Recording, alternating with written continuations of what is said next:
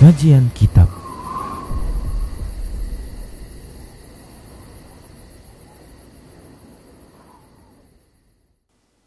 Bismillah, Assalamualaikum warahmatullahi wabarakatuh.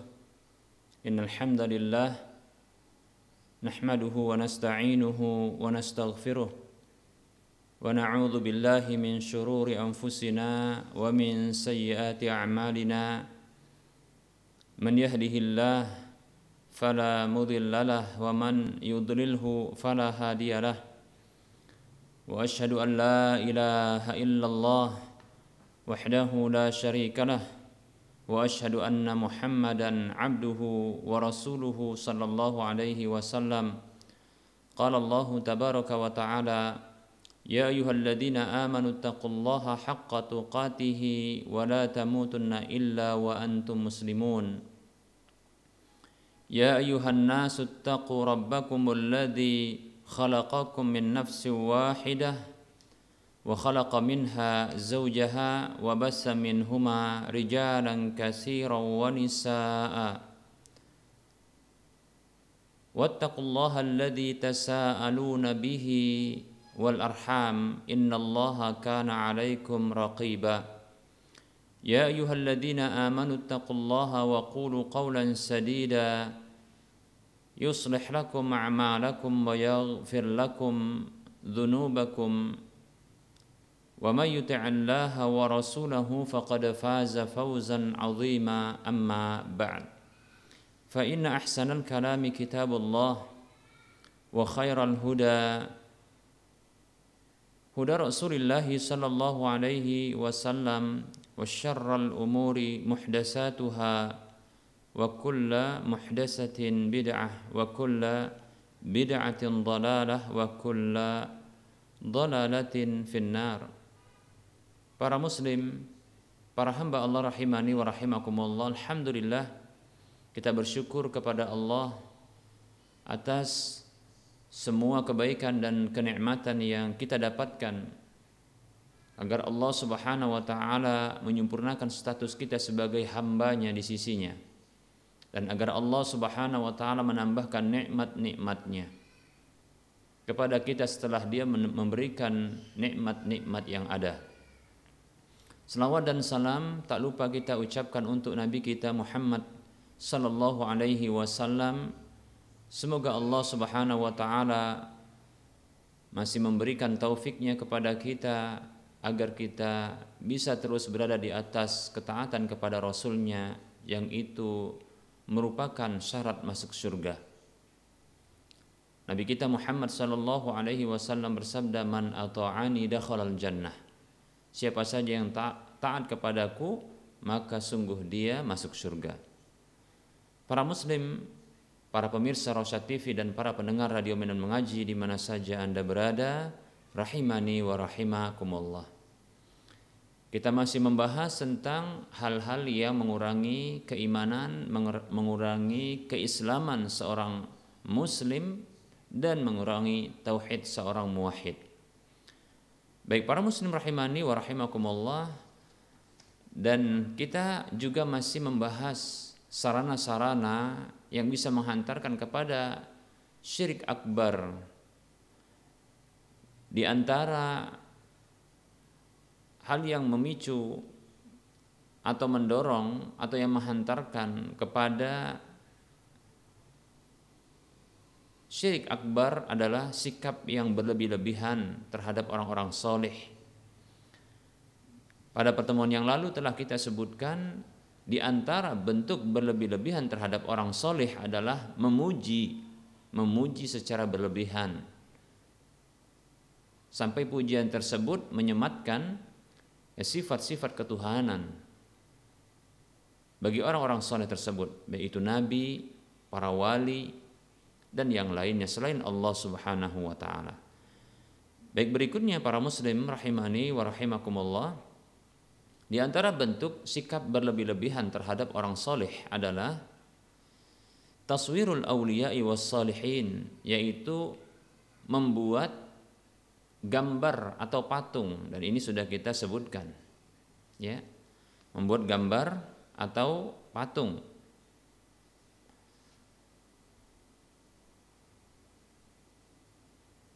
Pada pertemuan sebelum ini atau dua pertemuan kalau tidak salah kita telah membahas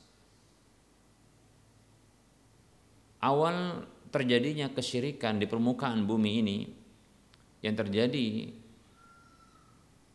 menimpa anak Adam sebabnya karena bersikap berlebih-lebihan terhadap orang soleh dengan membuat prasasti monumen patung berhala mereka sebagaimana ini terjadi Pertama sekali di generasinya kaum Nabi Nuh alaihissalam.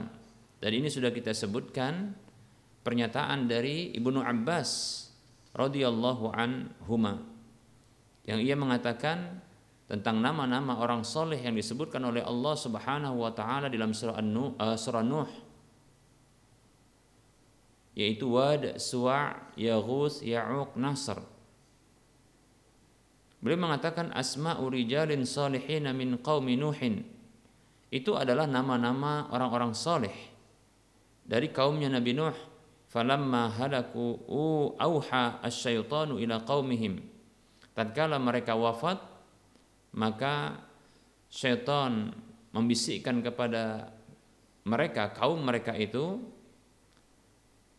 anin sibu ila majalisihim allati kanu yajlisuna ansaban buatlah monumen patung prasasti berhala mereka itu di tempat-tempat biasa mereka dulu tempat duduk e, mereka duduk di tempat tersebut atau bermajlis di tempat tersebut.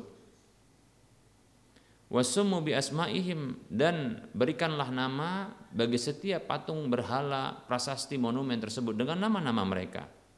Fafa'alu lalu kaum tersebut pun melakukannya. Falam tu'bada. Ternyata di awal ini belum disembah. Hatta idza halaka ulaika sampai tatkala wafatnya orang yang membuat patung monumen tersebut wa nusikhal ilmu sementara pengetahuan tentang tujuan dibuatnya patung tersebut adalah untuk mengenang jasa dan memotivasi dalam berbuat kesolehan seperti orang-orang tersebut. Maka setelah itu ternyata oleh generasi setelahnya ubidat disembah ya disembah oleh generasi ya setelahnya. Demikian. Ini sebagaimana disebutkan dalam sahih Bukhari. Baik para muslim rahimani wa rahimakumullah. Dari sini bisa kita pahami bahwasanya membuat gambar patung, monumen prasasti, berhala, baik itu dalam bentuk pahatan, baik itu bentuk lukisan, ya. pahatan itu bisa juga berlaku pada bebatuan, juga pada kayu, pepohonan, ya. lukisan itu pada kanvas, atau mungkin juga di dinding dan seterusnya ya maka sesungguhnya maupun ya saat ini e, mungkin dengan cara foto maka para muslim rahimani rahimakumullah sesungguhnya hal ini sangat berbahaya karena ini merupakan bentuk sikap berlebih-lebihan terhadap orang-orang soleh tersebut dan ini bisa menghantarkan kepada kesyirikan dengan satu syirik akbar. Di mana terkadang ini nanti akan disembah. Terkadang akan dimintai keberkahan. Padahal keberkahan itu adalah milik Allah Subhanahu wa taala. Dianggap dengan memajang patungnya, fotonya, gambarnya, maka ini akan memunculkan berkah atau bisa mendatangkan manfaat, keberuntungan, kebaikan atau bisa menolak kemudorotan, bala, bencana, musibah. Nah, ini merupakan bentuk kesyirikan. Karena menjadikan selain Allah Subhanahu wa taala sebagai tandingan bagi Allah Subhanahu wa taala di dalam hak-hak Allah Subhanahu wa taala. Ketahui sesungguhnya hanya Allah yang mampu untuk memberikan dan menolak manfaat serta mudarat itu. Memberikan kebaikan, keberuntungan atau menolak kebaikan dan keberuntungan. Begitu juga memberikan atau menolak kemudorotan. Ya keberuntungan, kesialan,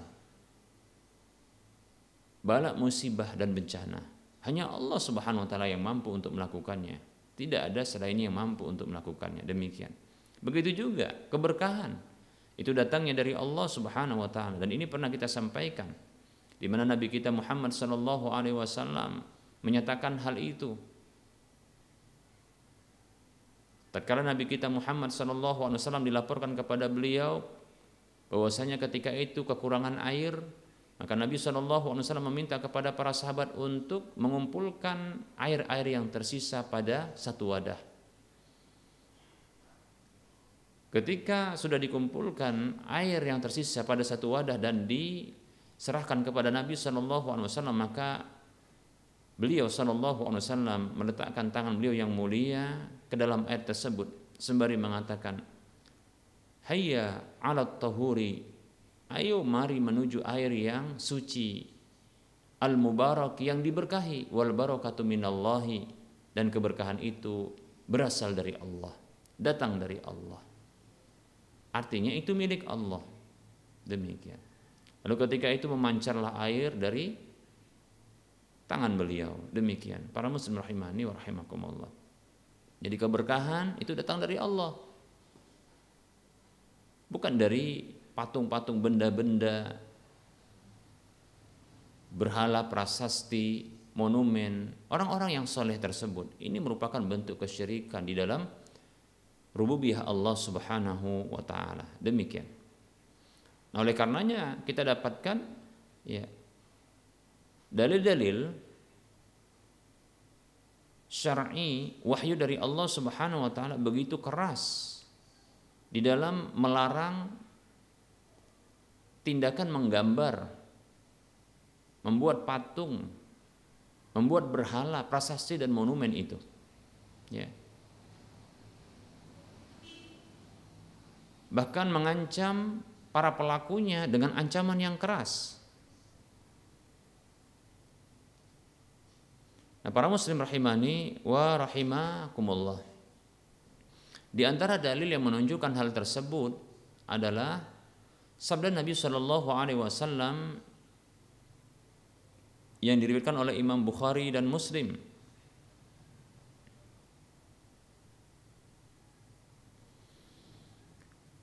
Nabi kita Muhammad Shallallahu Alaihi Wasallam beliau bersabda, Inna dan nasi adaban yaumal qiyamati indallahi al-musawwirun. Sesungguhnya manusia yang paling keras, yang paling dahsyat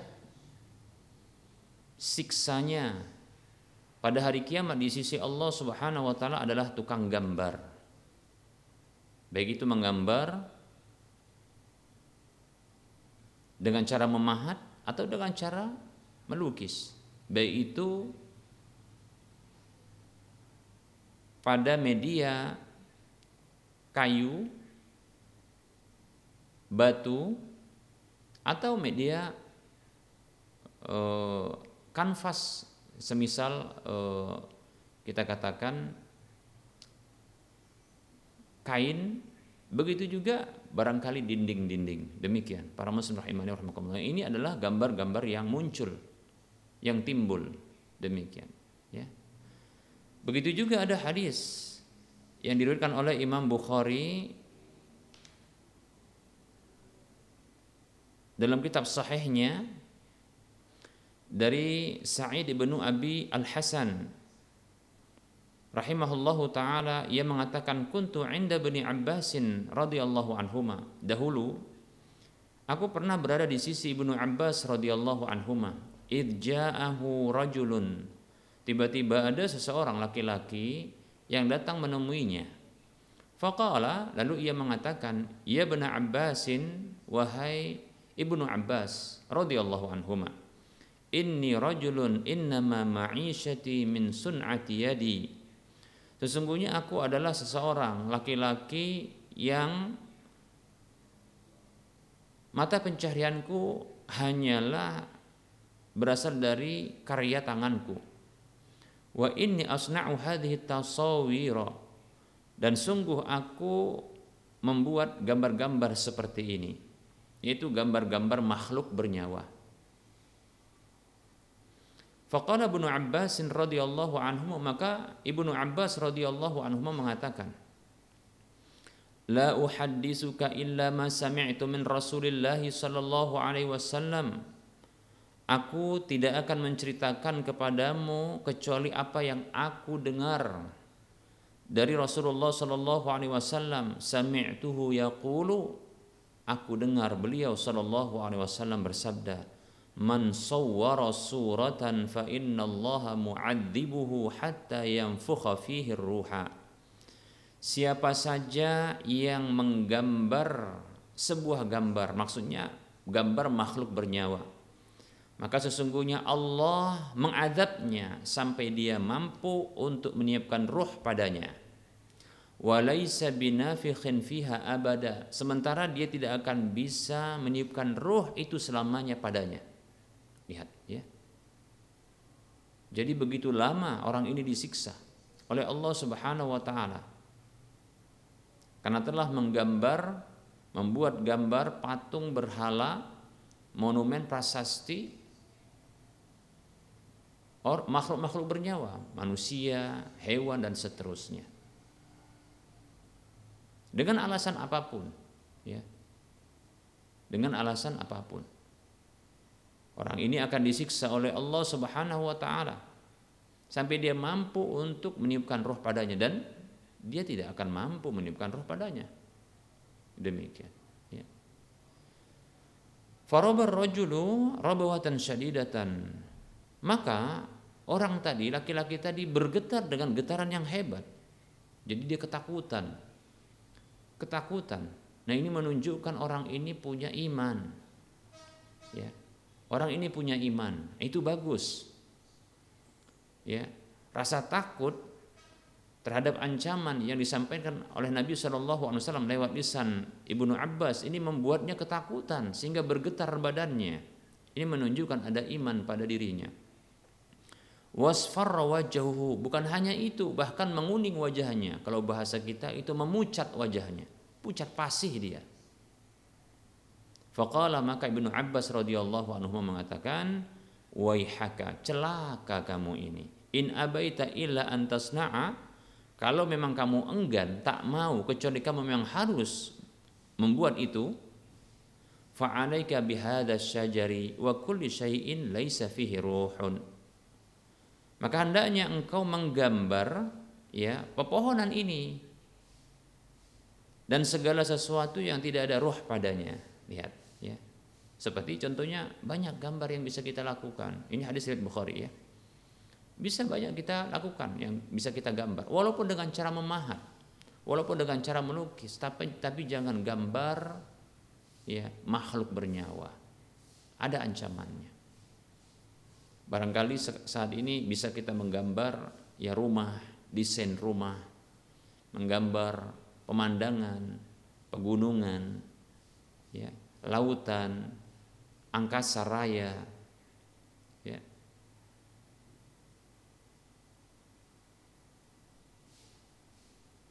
Atau kita katakan mobil, ya, bangunan-bangunan, ya, masjid dan seterusnya itu banyak, ya. Lebih banyak ya benda mati daripada makhluk bernyawa. Oleh karenanya silakan digambar hindari menggambar makhluk bernyawa, manusia, jin, hewan, atau ya ilustrasi malaikat demikian. Maka jangan sampai demikian, jangan sampai itu digambar. Ya. Ini menunjukkan bahwasanya larangan yang keras ini ya ini menunjukkan ya bahwa ini merupakan upaya untuk memutus sarana yang bisa menghantarkan kepada kesyirikan dengan status derajat syirik akbar demikian. Para muslim rahimani wa rahimakumullah.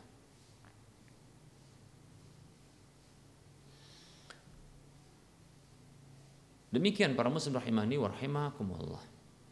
Bahkan ada riwayat dari khalifah yang keempat yaitu Ali bin Abi Thalib radhiyallahu anhu.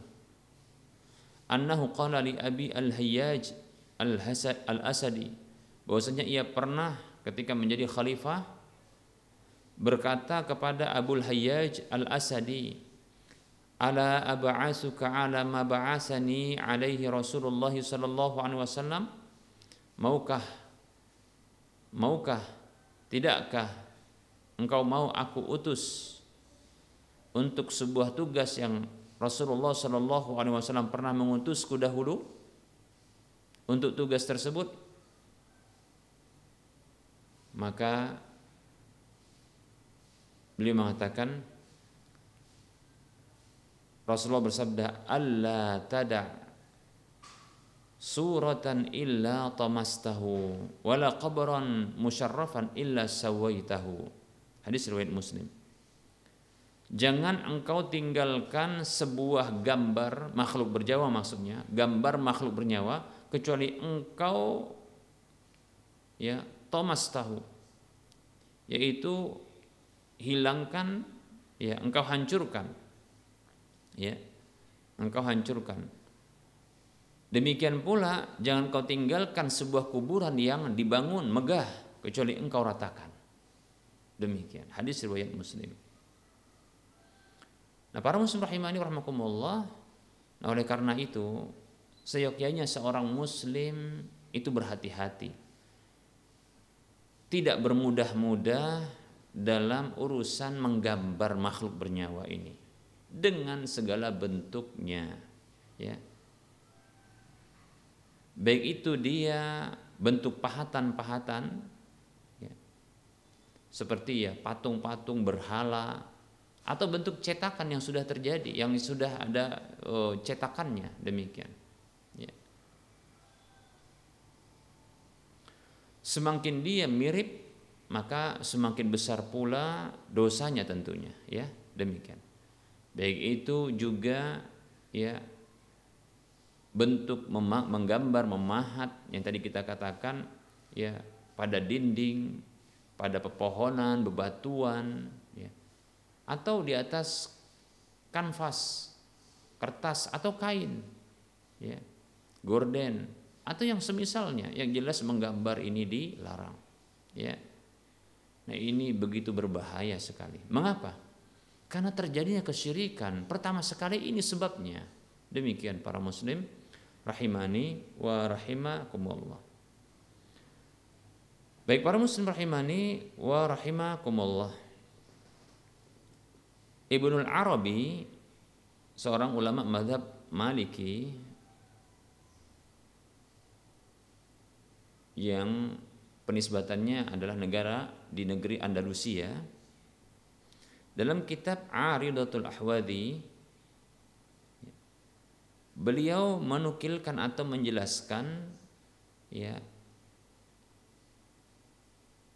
tentang adanya ijma para ulama tentang pengharaman gambar-gambar yang berbentuk yang timbul yang muncul. Demikian. Gambar-gambar yang timbul dan berbentuk. Demikian. Ini semua para ulama di semua madhab ulama-ulama ahlu sunnah wal jamaah mengharamkan hal ini. Ya demikian. Sebagian ulama mereka memberikan pengecualian terhadap boneka-boneka anak-anak kecil boneka-boneka ya anak-anak kecil yang ini jadikan mainan bagi anak kecil maka ini dikecualikan. Ya tentunya adalah apabila gambarnya ya tidak begitu rinci demikian. Dan yang menjadi pengharaman tersebut adalah ketika ya, gambar-gambar patung tersebut itu memiliki wajah, ya memiliki wajah. yaitu atau memiliki kepala. Karena dalam satu hadis Nabi Shallallahu Alaihi Wasallam disebutkan as-suratu ar-ra'su. Gambar itu adalah kepalanya. Demikian. Para muslim rahimani wa rahimakumullah. Ya, jadi kalau gambar ya, ada patung, ada gambar ya, maka hilangkan kepalanya. Demikian. Maka ini sudah tidak dikatakan dia sebagai patung berhala, prasasti, demikian. Seperti itu, ya. Karenanya ya pernah kita sampaikan ya kalau hendak membuat patung-patung atau bagi para penjual ya bagi para pedagang pakaian yang kira-kira ingin eh, memajang pakaiannya maka hendaknya silahkan ya jangan menggunakan manusia. Wanita ya. Tapi gunakanlah patung. Namun patung-patung yang patung manikan itu yang dia tidak memiliki kepala atau yang rata pada wajahnya. Demikian. Yang rata pada wajahnya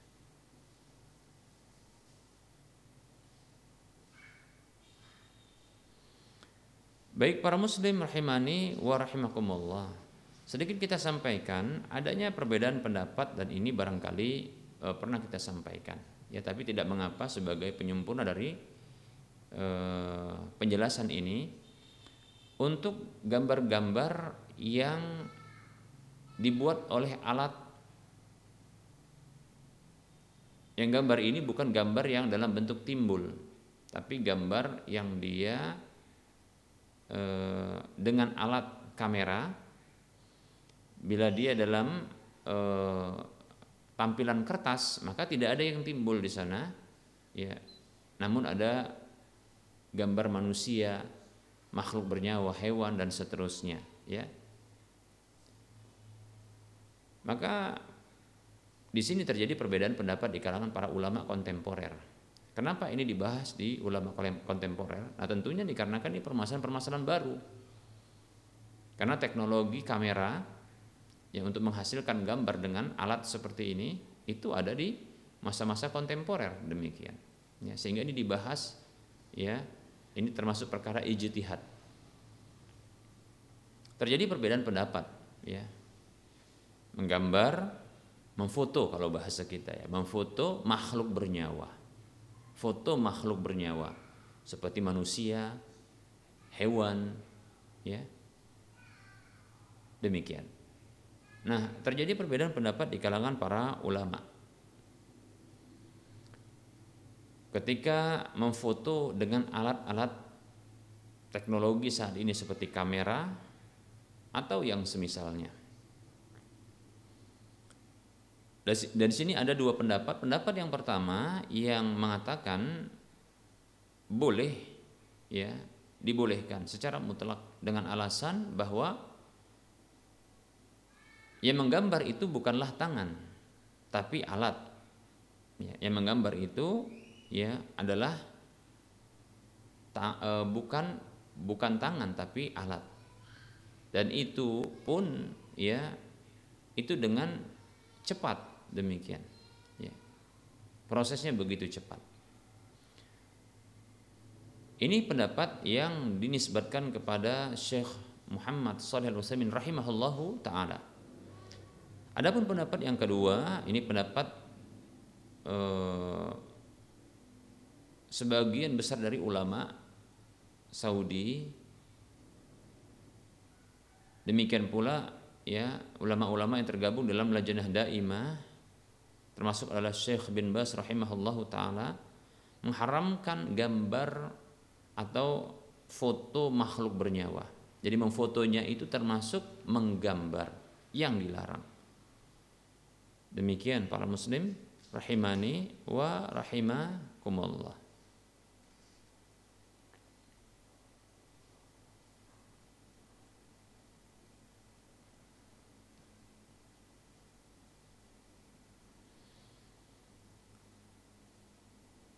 Nah, para muslim rahimani warahmatullah. Nah, untuk hati-hati sebaiknya dihindarkan. dan tidak melakukannya kecuali karena ada kebutuhan ya kebutuhan yang mendesak seperti contohnya untuk ya eh, keperluan-keperluan surat menyurat ya berkas-berkas penting ya yang ini barangkali tidak bisa tidak kecuali kita untuk eh, administrasi baik itu kenegaraan atau eh, apa namanya eh, instansi tertentu maka ini dibolehkan ya nah ini dikasih kelonggaran namun kembali kita katakan ya memfoto dengan alat-alat teknologi saat ini, maka sebaiknya jangan dilakukan kecuali ketika dalam kondisi dibutuhkan. Ya. Karena tentunya bersikap hati-hati itu lebih utama. Karena kita khawatir ternyata ini merupakan tindakan yang diharamkan. Karena ada ancaman Nabi Shallallahu Alaihi Wasallam, Inna dan nasi adaban yaumal qiyamati indallahi al musawwirun. Sesungguhnya manusia yang paling yang paling keras siksanya pada hari kiamat di sisi Allah adalah tukang gambar demikian hadis riwayat Bukhari Muslim hati-hati kita para ulama menyebutkan di antara bentuk kehati-hatian tersebut adalah tarku ma fi tahrimihi yaitu meninggalkan apa saja yang diperdebatkan diperselisihkan oleh para ulama tentang keharamannya ini haram atau boleh ada yang mengatakan boleh, ada yang mengatakan haram, maka tinggalkan. Ya. Sebagai bentuk kehati-hatian. Baik para muslim rahimani wa rahimakumullah.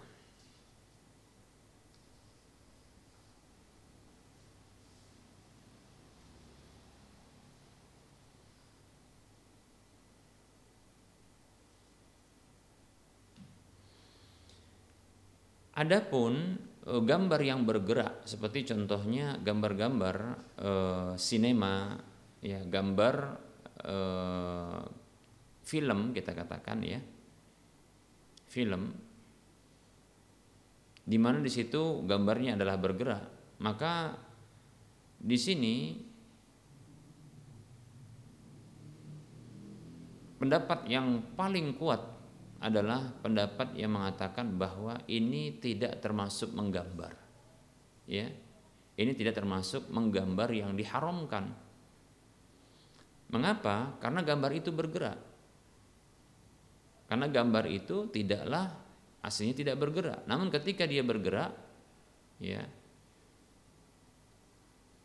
ya seperti video, ya, maka ini bukanlah e, gambar yang e, diharamkan demikian seperti itu. Maka ini bisa dimisalkan ya seperti orang yang bercermin. Ya.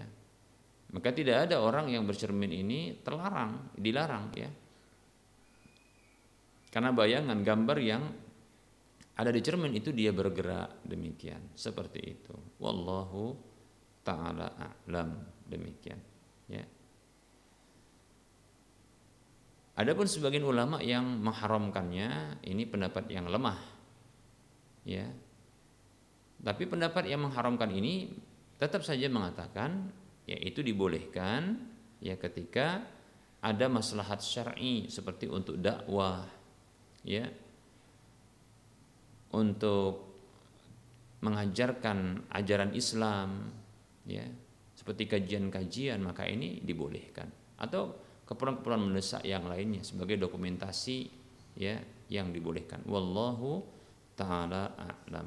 Baik para muslim rahimani wa rahimakumullah.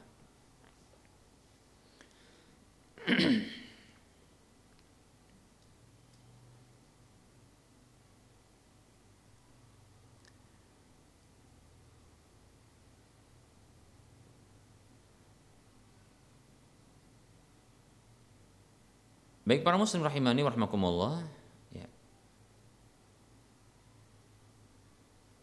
Kita cukupkan untuk e, penyampaian dari materi terkait dengan salah satu bentuk dari sikap yang berlebih-lebihan kepada orang soleh yaitu dengan cara membuat gambar patung berhala prasasti prasastinya. Demikian.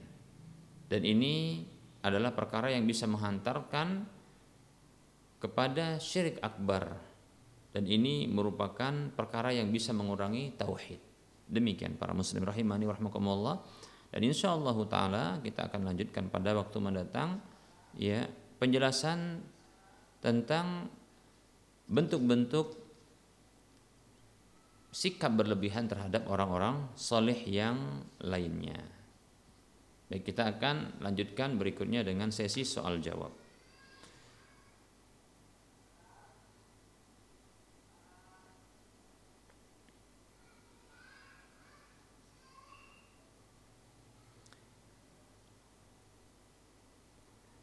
Baik, para muslim rahimani rahimakumullah di sini ada pertanyaan. Bismillah, Assalamualaikum warahmatullahi wabarakatuh. Waalaikumsalam warahmatullahi wabarakatuh. Semoga Allah menjaga Ustadz selalu beserta keluarga, amin.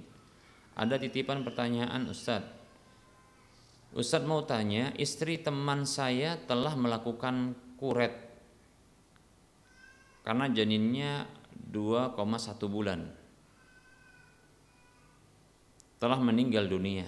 Kemudian setelah kuret istrinya mengeluarkan darah seperti mana yang berlangsung berhari-hari. Apakah wanita ini wajib sholat atau tidak Ustaz?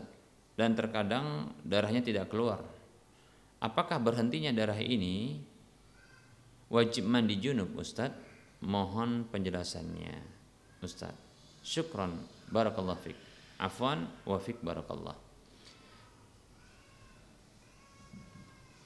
baik bayi yang telah wafat dalam kandungan yang disebut dengan janin ya dalam istilah e, fikih disebut dengan sakat yaitu bayi yang keguguran ya. Yang tentunya ini hari yang berjumlah 2,1 hari ya maaf 2,1 bulan ini adalah e, bayi atau janin yang belum ditiupkan roh. Karena roh itu ditiupkan ya. Atas perintah Allah Subhanahu wa taala itu ketika telah sempurna 120 hari. Berdasarkan sabda Nabi Shallallahu alaihi wasallam dari Abdullah bin Mas'ud radhiyallahu anhu yang mengatakan telah bercerita kepada kami orang yang jujur dan dinyatakan jujur yaitu Nabi Shallallahu alaihi wasallam bersabda Inna ahadakum yujma'u khalquhu fi batni ummihi arba'ina yawman nutfatan summa yakunu 'alaqatan misla zalik summa yakunu mudghatan misla zalik. Sesungguhnya salah seorang di antara kalian maksudnya setiap manusia itu dikumpulkan penciptaannya di dalam rahim ibunya itu selama 40 hari ketika dalam kondisi menjadi nutfah yaitu gabungan antara mani laki-laki dengan mani perempuan. Dan kemudian menjadi berubah menjadi mut e, alaqah yaitu segumpal darah selama 40 hari juga. Dan kemudian berubah menjadi mutghah yaitu segumpal daging 40 hari juga. Berarti tiga kali 40 hari 120 hari summa yunfakhu summa yursalu ilaihil malaku. Kemudian di, e, diutuslah malaikat kepadanya. Fayanfukhu fihi ruh lalu ditiupkan roh padanya. Nah seperti itu. Jadi dan seterusnya sampai akhir dari hadis ini ya. Jadi ditiupkan roh itu ketika ya janin itu berusia sempurna 120 hari. Berarti setelah itu. Demikian para muslim rahimani warahmatullah nah apabila kurang dari itu berarti belum ditiupkan roh. Hadis tadi hadis riwayat Bukhari Muslim ya. Berarti ini belum ditiupkan roh. Sehingga ini disebut dengan sakat nah apabila keguguran seperti ini ya belum ditiupkan roh maka pertama sekali yang perlu kita ingatkan tidak ada perlakuan khusus untuk uh, janin tersebut kalau bahasa kita mungkin orok tapi kita katakan janin ya lebih uh, lebih indah kita menyebutkannya dan mendengarnya janin ini ini tidak ada perlakuan khusus yaitu tidak perlu dimandikan, tidak perlu dikafankan dan tidak perlu disolatkan. Ya. Tidak perlu di disolatkan. Namun bila ingin dibungkus agar tidak tersebar aromanya, maka tidak masalah. Ya. Bukan karena memang itu kewajiban untuk dikafani demikian, seperti itu. Dan ini harus dikuburkan. Ya. Apa fungsi dikuburkan? Fungsi dikuburkan adalah untuk menghilangkan ya bau yang menyengat ketika dia e, membusuk sehingga tidak mengganggu orang lain. Sekaligus juga tidak ya mengundang hewan-hewan buas yang bisa e, memakan janin tersebut yang tentunya sang pemilik janin ini ini ya yaitu ibunya atau mungkin orang tuanya ya ini begitu ya tercabik-cabik hatinya tatkala melihat bagaimana calon jabang bayinya ini ternyata ditelan dia dimakan oleh binatang buas kan begitu ya? Nah ini tentunya tidak ingin melukai hati tersebut ya. Hati orang tua. Maka dikuburkan dengan tadi dua fungsi ya. Agar tidak dimakan oleh hewan begitu juga tidak memunculkan bau ya yang busuk sehingga mengganggu orang lain di sekitarnya. Demikian. Seperti itu dan tidak ada perlakuan khusus yang lainnya kecuali hanya ini saja jika ingin dibungkus maka silahkan tidak masalah ya demikian dan upayakan adalah ya e, itu disentuhkan dengan tanah sehingga ini mudah terurai dan cepat terurai. Ya. Seperti itu. Wallahu taala alam untuk ini perlakuan terhadap bayi. Adapun darah yang keluar dari eh, kemaluan sang wanita tersebut yang mengalami keguguran yang bayi ini belum ditiupkan rohnya maka ini tidak dikatakan nifas. Karena nifas itu adalah ya uh, darah yang keluar disebabkan karena kelahiran. Dan ini bukan kelahiran yang normal ini bukan kelahiran tapi ini keguguran. Oleh karenanya saya condong bahwasanya ini terhitung istihadah darah yang keluar itu adalah darah istihadah yaitu darah penyakit yang dia bukan darah haid dan itu bukan darah nifas demikian. Dan para ulama mereka menyatakan bahwa wanita yang istihadah itu dihukumi sama seperti wanita yang suci yaitu wajib untuk sholat lima waktu. Demikian pula wajib berpuasa di bulan Ramadan atau boleh berpuasa sunat atau boleh juga yang mengganti puasa Ramadannya demikian. Dan boleh juga bagi suaminya untuk menggaulinya jika memungkinkan. Bila tidak memungkinkan maka ya tentunya tidak perlu untuk dilakukan. Demikian.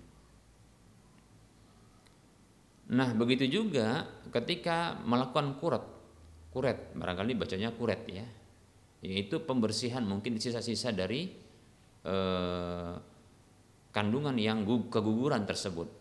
Ya, ini mengalami pendarahan. Nah ini sama ya, bahkan ini lebih tepat memang dikatakan darah istihadah itu bukan darah haid maupun bukan darah nifas kecuali kalau memang ketika kuret ini ternyata bertepatan dengan haid maka tentunya ini terhitung haid bila sang wanita tersebut mengenali darah yang keluar itu adalah darah haid demikian.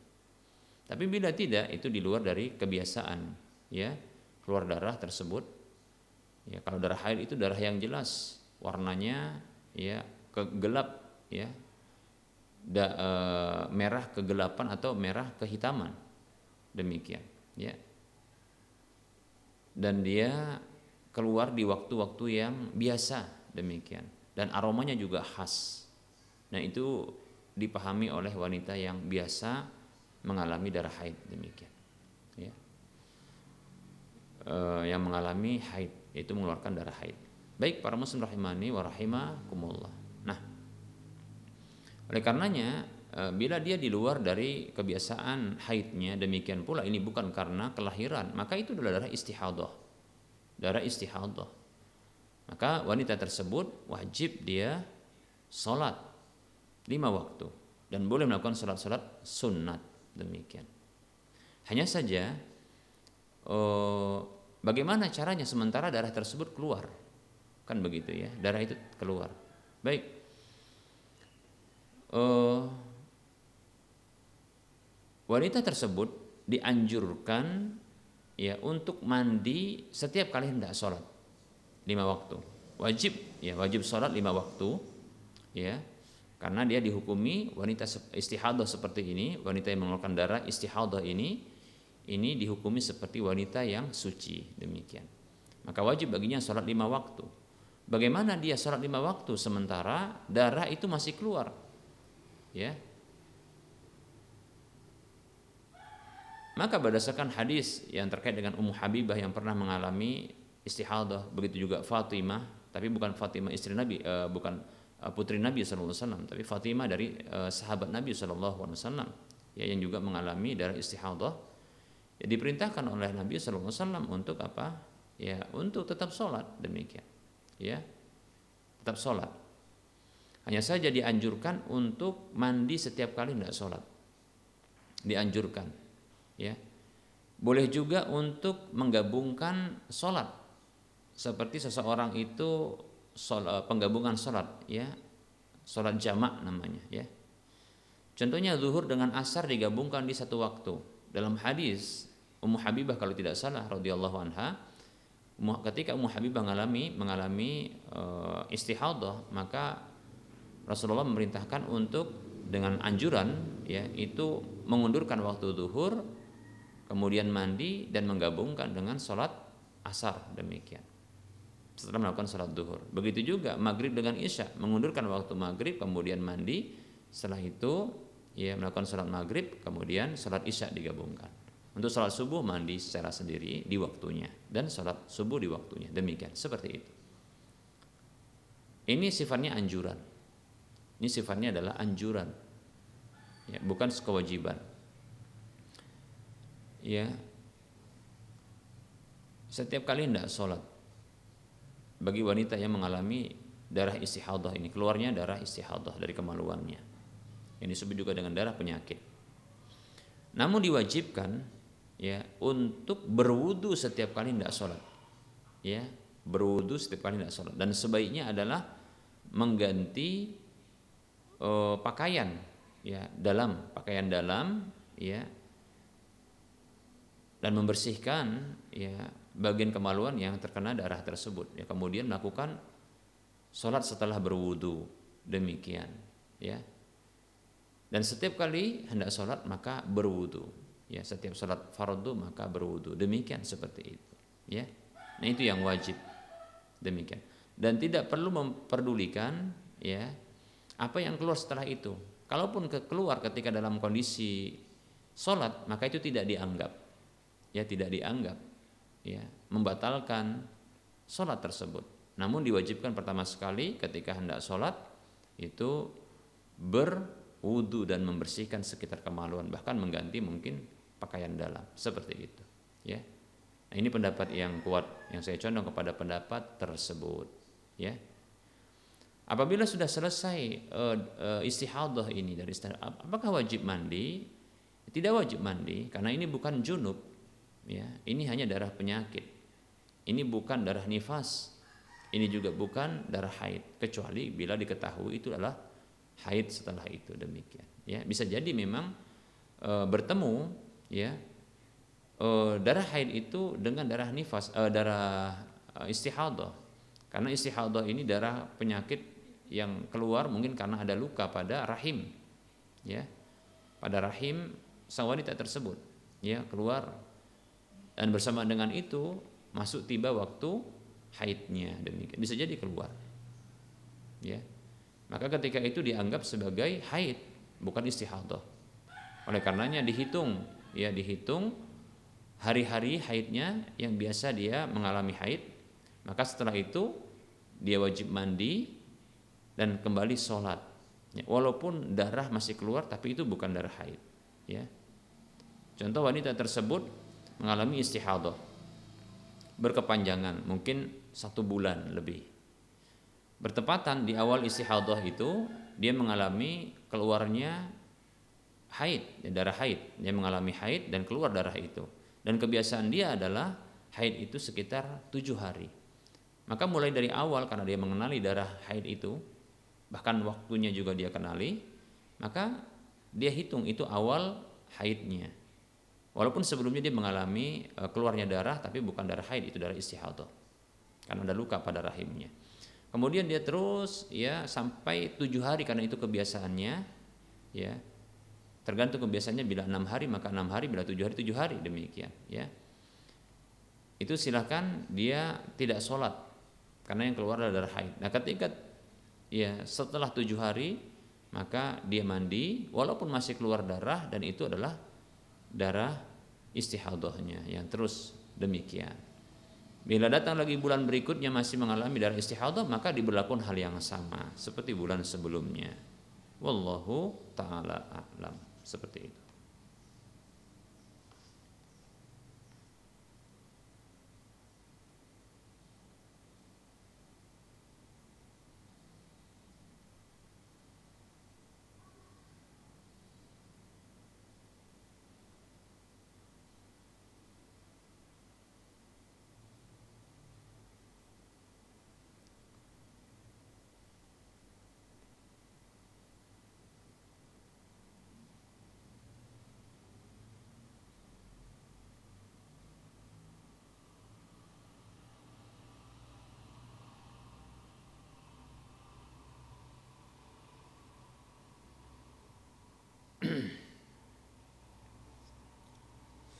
Ada pertanyaan di sini, saya ingin bertanya, apa hukumnya melakukan amalan membaca surah Al-Fatihah sebanyak 41 kali dengan tujuan untuk menginginkan hajat atau keinginan tertentu?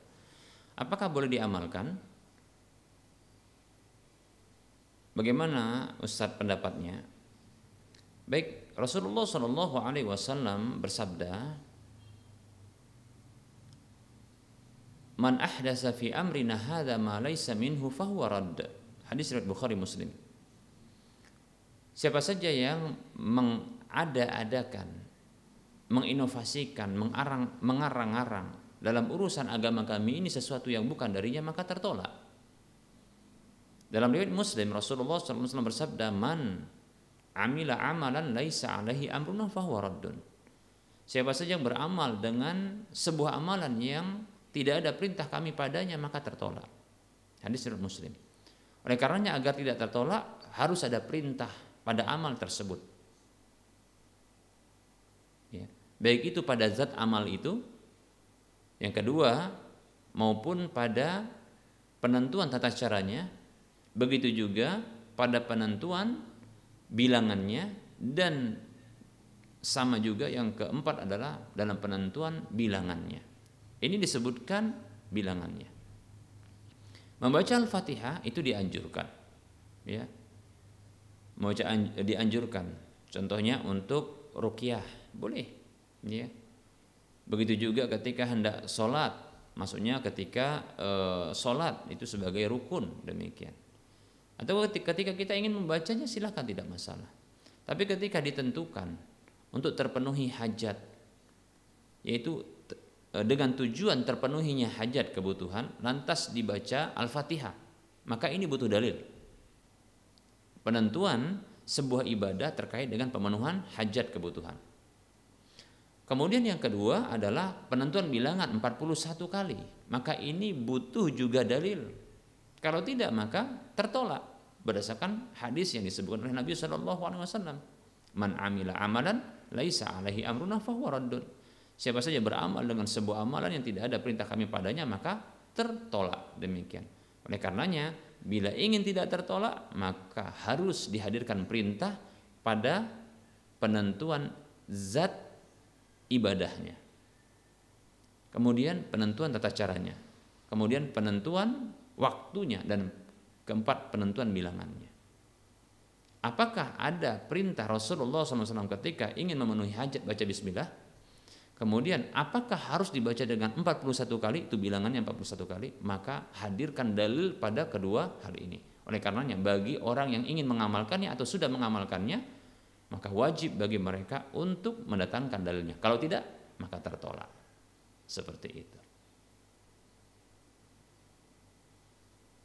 Demikian ya.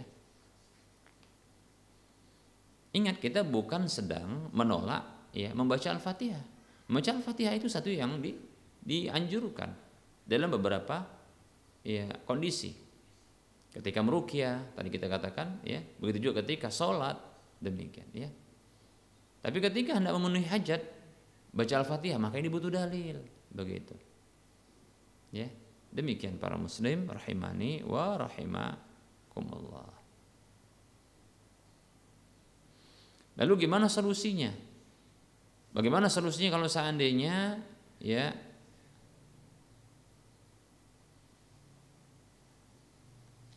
untuk terkabulnya hajat dan e, keinginan tersebut. Untungnya ter, untuk terkabulnya hajat dan keinginan tersebut, maka berdoa kepada Allah, kepada Zat yang mengabulkan doa, yang mengabulkan keinginan-keinginan para hamba yang bisa memenuhi hajat-hajat manusia, para hamba-hambanya. Demikian minta kepada Allah. Bukankah Allah mengatakan dalam surah Ghafir ayat 60 Allah mengatakan a'udzu billahi minasyaitonir rajim wa qala rabbukum ud'uni astajib lakum. Rabb kalian Allah Subhanahu wa taala berfirman, "Ud'uni, berdoalah kepadaku, astajib lakum." Aku penuhi untuk kalian. Bahkan Allah mengatakan mengancam innalladzina yastakbiruna an ibadati sayadkhuluna jahannama dakhirin. Sesungguhnya orang-orang yang enggan tidak mau beribadah kepadaku di antaranya dengan cara berdoa, tidak mau berdoa kepada kepada Allah Subhanahu wa taala, maka kelak mereka akan masuk neraka dalam neraka jahanam dalam kondisi hina, dina. Demikian. Surah Ghafir ayat 60. Begitu juga Allah Subhanahu wa taala dalam ya Surah Al-Baqarah Allah Subhanahu wa taala mengatakan ya Wa idza sa'alaka 'ibadi 'anni fa inni qarib ujibu da'wata da'i idza da'an Apabila hamba-hambaku bertanya kepadamu tentangku, maka sesungguhnya aku dekat. Aku mengabulkan doa orang yang berdoa kepadaku tatkala dia berdoa kepadaku. Lihat. Allah kabulkan. Maka silakan minta kepada Allah. Tapi penuhi adab-adabnya. Memulai dengan memuji Allah, menyanjung Allah. Berselawat kepada Rasulullah sallallahu alaihi wasallam. Berdoa dengan mengangkat tangan. Yang kata Rasulullah sallallahu alaihi wasallam, ya Rasulullah mengatakan, ya Innallaha hayyun karim. Sesungguhnya Allah itu zat yang memiliki sifat malu dan pemurah, mudah untuk memberi, memberi ya begitu. Allah itu malu kata Rasulullah SAW. Allah itu malu dari hamba hambanya yang menengadahkan tangannya ke arahnya lalu mengembalikannya dalam kondisi kosong hampa. Allah malu. Demikian. Maka silakan angkat tangan kepada Allah. Kemudian pahami permintaan tersebut, dipahami dan diresapi permintaan tersebut, ya. Karena Rasulullah SAW mengatakan Innallaha la yastajibu du'aan min qalbin ghafilin lahin. Sesungguhnya Allah tidak menerima doa dari hati yang lalai. Lagi tak paham. Ya. Tidak usah pakai bahasa Arab kalau tak paham pula makna yang mau diminta. Pakai bahasa Indonesia saja dengan bahasa yang santun, lembut dan meminta, memelas kepada Allah. Demikian. Seperti itu. Ya. Kemudian ya lakukan doa-doa tersebut di waktu-waktu yang tepat. Waktu-waktu yang di sana mustajab doa. Atau kondisi-kondisi yang mustajab doa. Kapan itu kondisi mustajab doa? Contohnya seperti dalam kondisi sujud Kata Nabi Shallallahu Alaihi Wasallam, "Akrabu ma yakunul abdu min rabbihi wa sajid fa'akthirud du'a."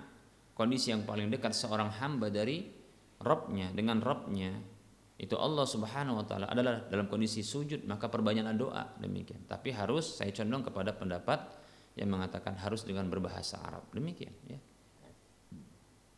Begitu juga di antara uh, ketika duduk setelah tasyahud awal menuju ya ketika hendak naik ke tas, uh, ke rekan ketiga demikian ya. Atau ketika di penghujung dari sholat sholat sebuah sholat setelah ia e, melakukan pembacaan salawat ya dan menjelang salam. Silakan berdoa. Begitu juga setelah sholat lima waktu bahkan di pertengahan malam juga. Berdasarkan hadis Nabi Shallallahu Alaihi Wasallam Nabi kita Muhammad Shallallahu Alaihi Wasallam bersabda ya ketika beliau ditanya ayat doa asma? Doa manakah yang paling didengar oleh Allah? Maka Rasul mengatakan jaufal lailil akhir. Ya. Doa yang dipanjatkan di malam yang larut. Ya. Kemudian wa dubura as-salawatil maktubat dan di di waktu-waktu setelah ya salat-salat fardu demikian.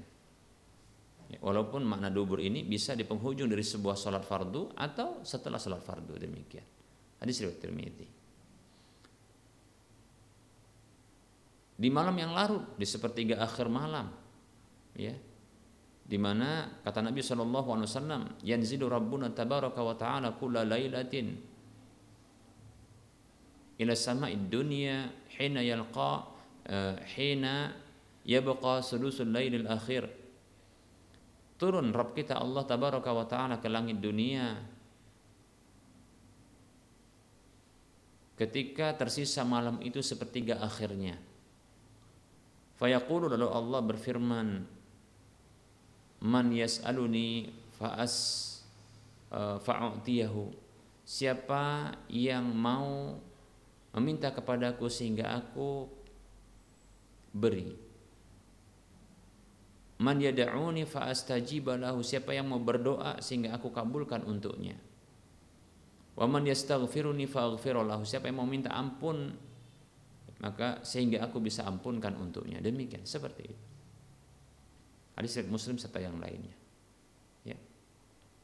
Bisa juga ketika kita berdoa ya itu menggunakan ya nama-nama Allah dan sifat-sifatnya menyebutkan nama dan sifat Allah sesuai dengan apa yang kita minta karena Allah Subhanahu wa taala mengatakan dalam surah Al-A'raf ayat 180 walillahil Asmaul Husna fada'uhu biha. Allah memiliki nama-nama yang maha indah, maka berdoalah kepada Allah dengan nama-nama tersebut. Ini menunjukkan bahwasanya ini akan makbul doa bila disebutkan nama-nama Allah tersebut.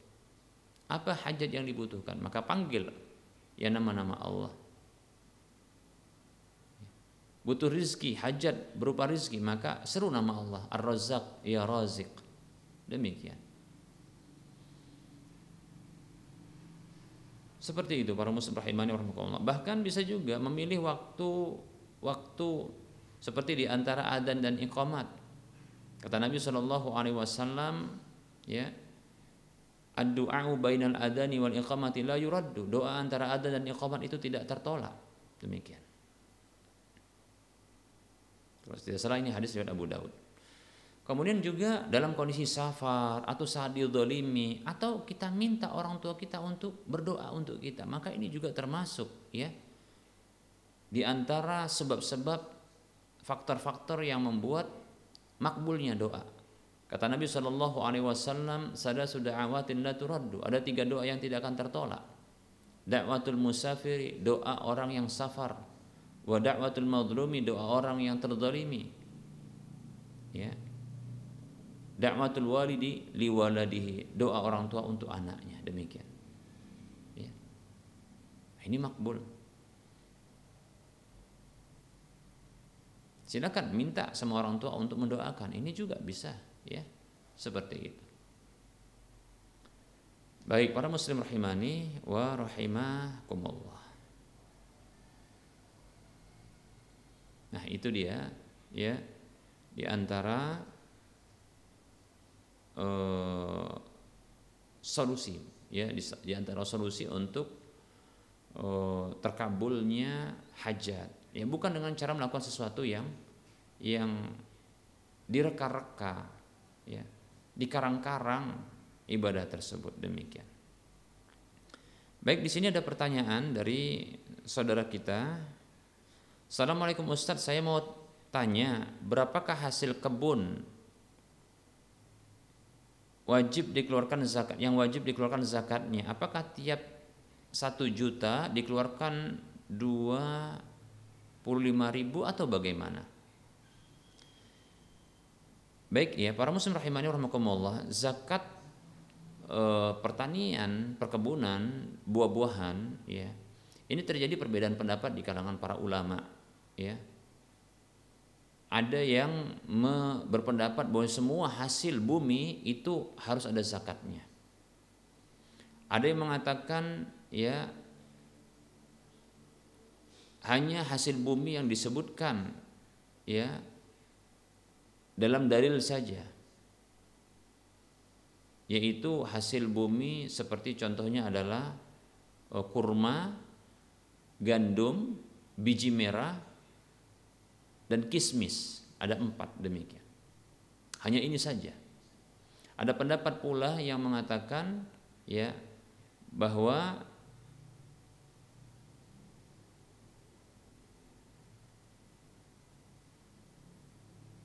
zakat pertanian, buah-buahan dan perkebunan itu adalah zakat yang berlaku pada hasil bumi yang ini merupakan menjadi bahan makanan pokok yang bisa disimpan. Ya bisa disimpan. Demikian. Dan saya condong kepada pendapat ini. Sehingga ini berlaku juga ya untuk contohnya adalah beras ya padi ya seperti itu. Demikian. Maka baik kita katakan hasil kebun ini kita tidak tahu apa ya karena ini tidak dirinci. Apa hasil kebunnya memang bisa jadi ya bisa jadi ya oh, hasil kebun ini seperti sawit kalau di Indonesia ini sawit ya. bisa jadi juga seperti hasil kebun ini seperti ubi ya kalau menurut satu pendapat sawit itu ada zakatnya, menurut pendapat yang lain tidak tidak ada zakatnya. Karena dia buat bukan bahan makanan pokok. Adapun ubi, ubi kayu ya. Telah begitu ya. E, maka di sini ada juga perbedaan pendapat. Ya, bisa jadi ini adalah zakatnya, menurut pendapat yang lain ini tidak ada zakatnya. Nah, seperti itu, ya. Maka baiklah kita katakan Nah, sekarang kembali kepada sang penanya. Ya, sang penanya itu condong apakah hasil kebun ini dia merupakan ada zakatnya ataukah tidak dari sisi perkebunan. Nah, seperti itu. Baik, kalau menurut ya kecondongan hati saya ya bila hasil kebun tersebut adalah bahan makanan pokok seperti contohnya adalah e, ternyata kebunnya di situ adalah kebun kurma Nah, seperti itu. Kalau di, seperti ini tentunya sepakat para ulama. Kurma itu termasuk yang dizakati semua para ulama, ya. Demikian. Gandum, ya, tapi itu pertanian biasanya. Baik ya. Uh, katakanlah kebun ini mungkin kalau kebun barangkali di sini adalah sawit, ya. Yang ini pada umumnya di sekitar uh, Indonesia ini kebun-kebun sawit kita katakan. Atau mungkin kebun kebun kelapa ya. Maka menurut pendapat yang saya condong kepada pendapat tersebut maka tidak ada zakat pertanian padanya. Tidak ada zakat perkebunan padanya ya bagi berpendapat bahwasanya semua bahan e, semua tanaman-tanaman hasil kebun hasil bumi itu ada zakatnya maka dikeluarkan ya zakatnya bila telah terpenuhi syaratnya. Apa syaratnya zakat pertanian dan buah-buahan serta perkebunan? Yaitu pertama adalah syaratnya telah masuk nisabnya. Ya, telah masuk nisabnya. Berapa nisabnya? Nisabnya adalah sekitar 300 sa. Disebut atau syarat yang lainnya adalah eh, atau syarat dengan penyebutan yang lain syarat pertama ini adalah dia telah sampai nisabnya yaitu sekitar 5 wasak atau lebih 5 wasak, sekitar 300 sak atau kalau ukuran mungkin kilogramnya ada sekitar 750 kilogram demikian. Dan itu dikeluarkan setiap syarat yang kedua adalah dikeluarkan setiap panennya. Demikian ya, begitu. Jadi ketika terpenuhi syarat ini maka baru dua syarat ini maka ada zakatnya. Dan dilihat kalau dia pengairannya adalah pengairan tada hujan yang tidak berbiaya, maka dikeluarkan zakatnya sepersepuluhnya. Zakatnya sepersepuluh dikeluarkan. Namun apabila e, pengairannya adalah berbiaya seperti dengan menghadirkan air padanya dengan disiram ya dan itu butuh biaya, maka di sini dikeluarkan seperdua puluh ini bagi yang berpendapat bahwasanya ini ada zakatnya. Hasil kebun tersebut. Bagi yang tidak ya, bagi yang tidak berpendapat kalau saya ya hasil kebun berupa kita katakan seperti kelapa atau contohnya sawit, maka saya condong tidak ada zakat perkebunan. Namun akan ada zakat yang lain yaitu zakat perniagaan bila dijual belikan dan itu bila terpenuhi syaratnya pula. Apa syaratnya? Syarat yang pertama adalah tidak hasil dari jual beli tersebut, dagangan tersebut itu tidak digabungkan dengan zakat ya harta yang lain seperti harta, uh, uang, simpanan, emas, perak, nah, seperti itu. Bila dia menyendiri Contohnya ada simpanan sendiri untuk apa? Untuk eh, atau tidak ada sebelumnya karena ini hasil kebun yang ternyata dengan ini dia menjadi makmur kita katakan seperti itu. Ya, menjadi eh, tercukupi kebutuhan-kebutuhannya bahkan berlebih. Maka ketika itu berarti ini adalah oh, hal yang eh, kekayaan baru bagi dirinya, ya. Maka berarti syarat pertama terpenuhi karena apa? Tidak ada zakat sebelumnya itu zakat harta yang lain yang asal seperti Eh, emas, perak atau uang demikian. Kemudian syarat kedua adalah terpenuhi nisabnya. Apa nisabnya apa? Itu nisabnya nisab emas atau nisab perak. Saya condong nisab perak. Ya, lebih rendah yaitu sekitar 595 gram perak. Ya. Tinggal dikalikan saja satu gram perak berapa seperti itu. Ya. Dan yang ketiga syaratnya adalah bila nisab tersebut bertahan setahun. Demikian. Ya. Berarti bukan setiap bulan, tapi dia setiap tahun. Baik, kita contohkan seperti ini. Menurut pendapat yang saya condong kepada pendapat tersebut bahwasanya eh, hasil bumi berupa kelapa maupun sawit ya, itu tidak ada zakat perkebunan.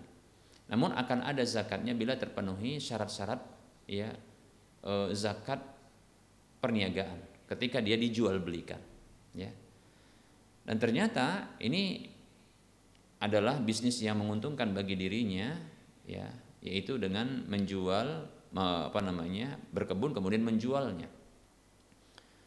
Ternyata ya uh, untung ya.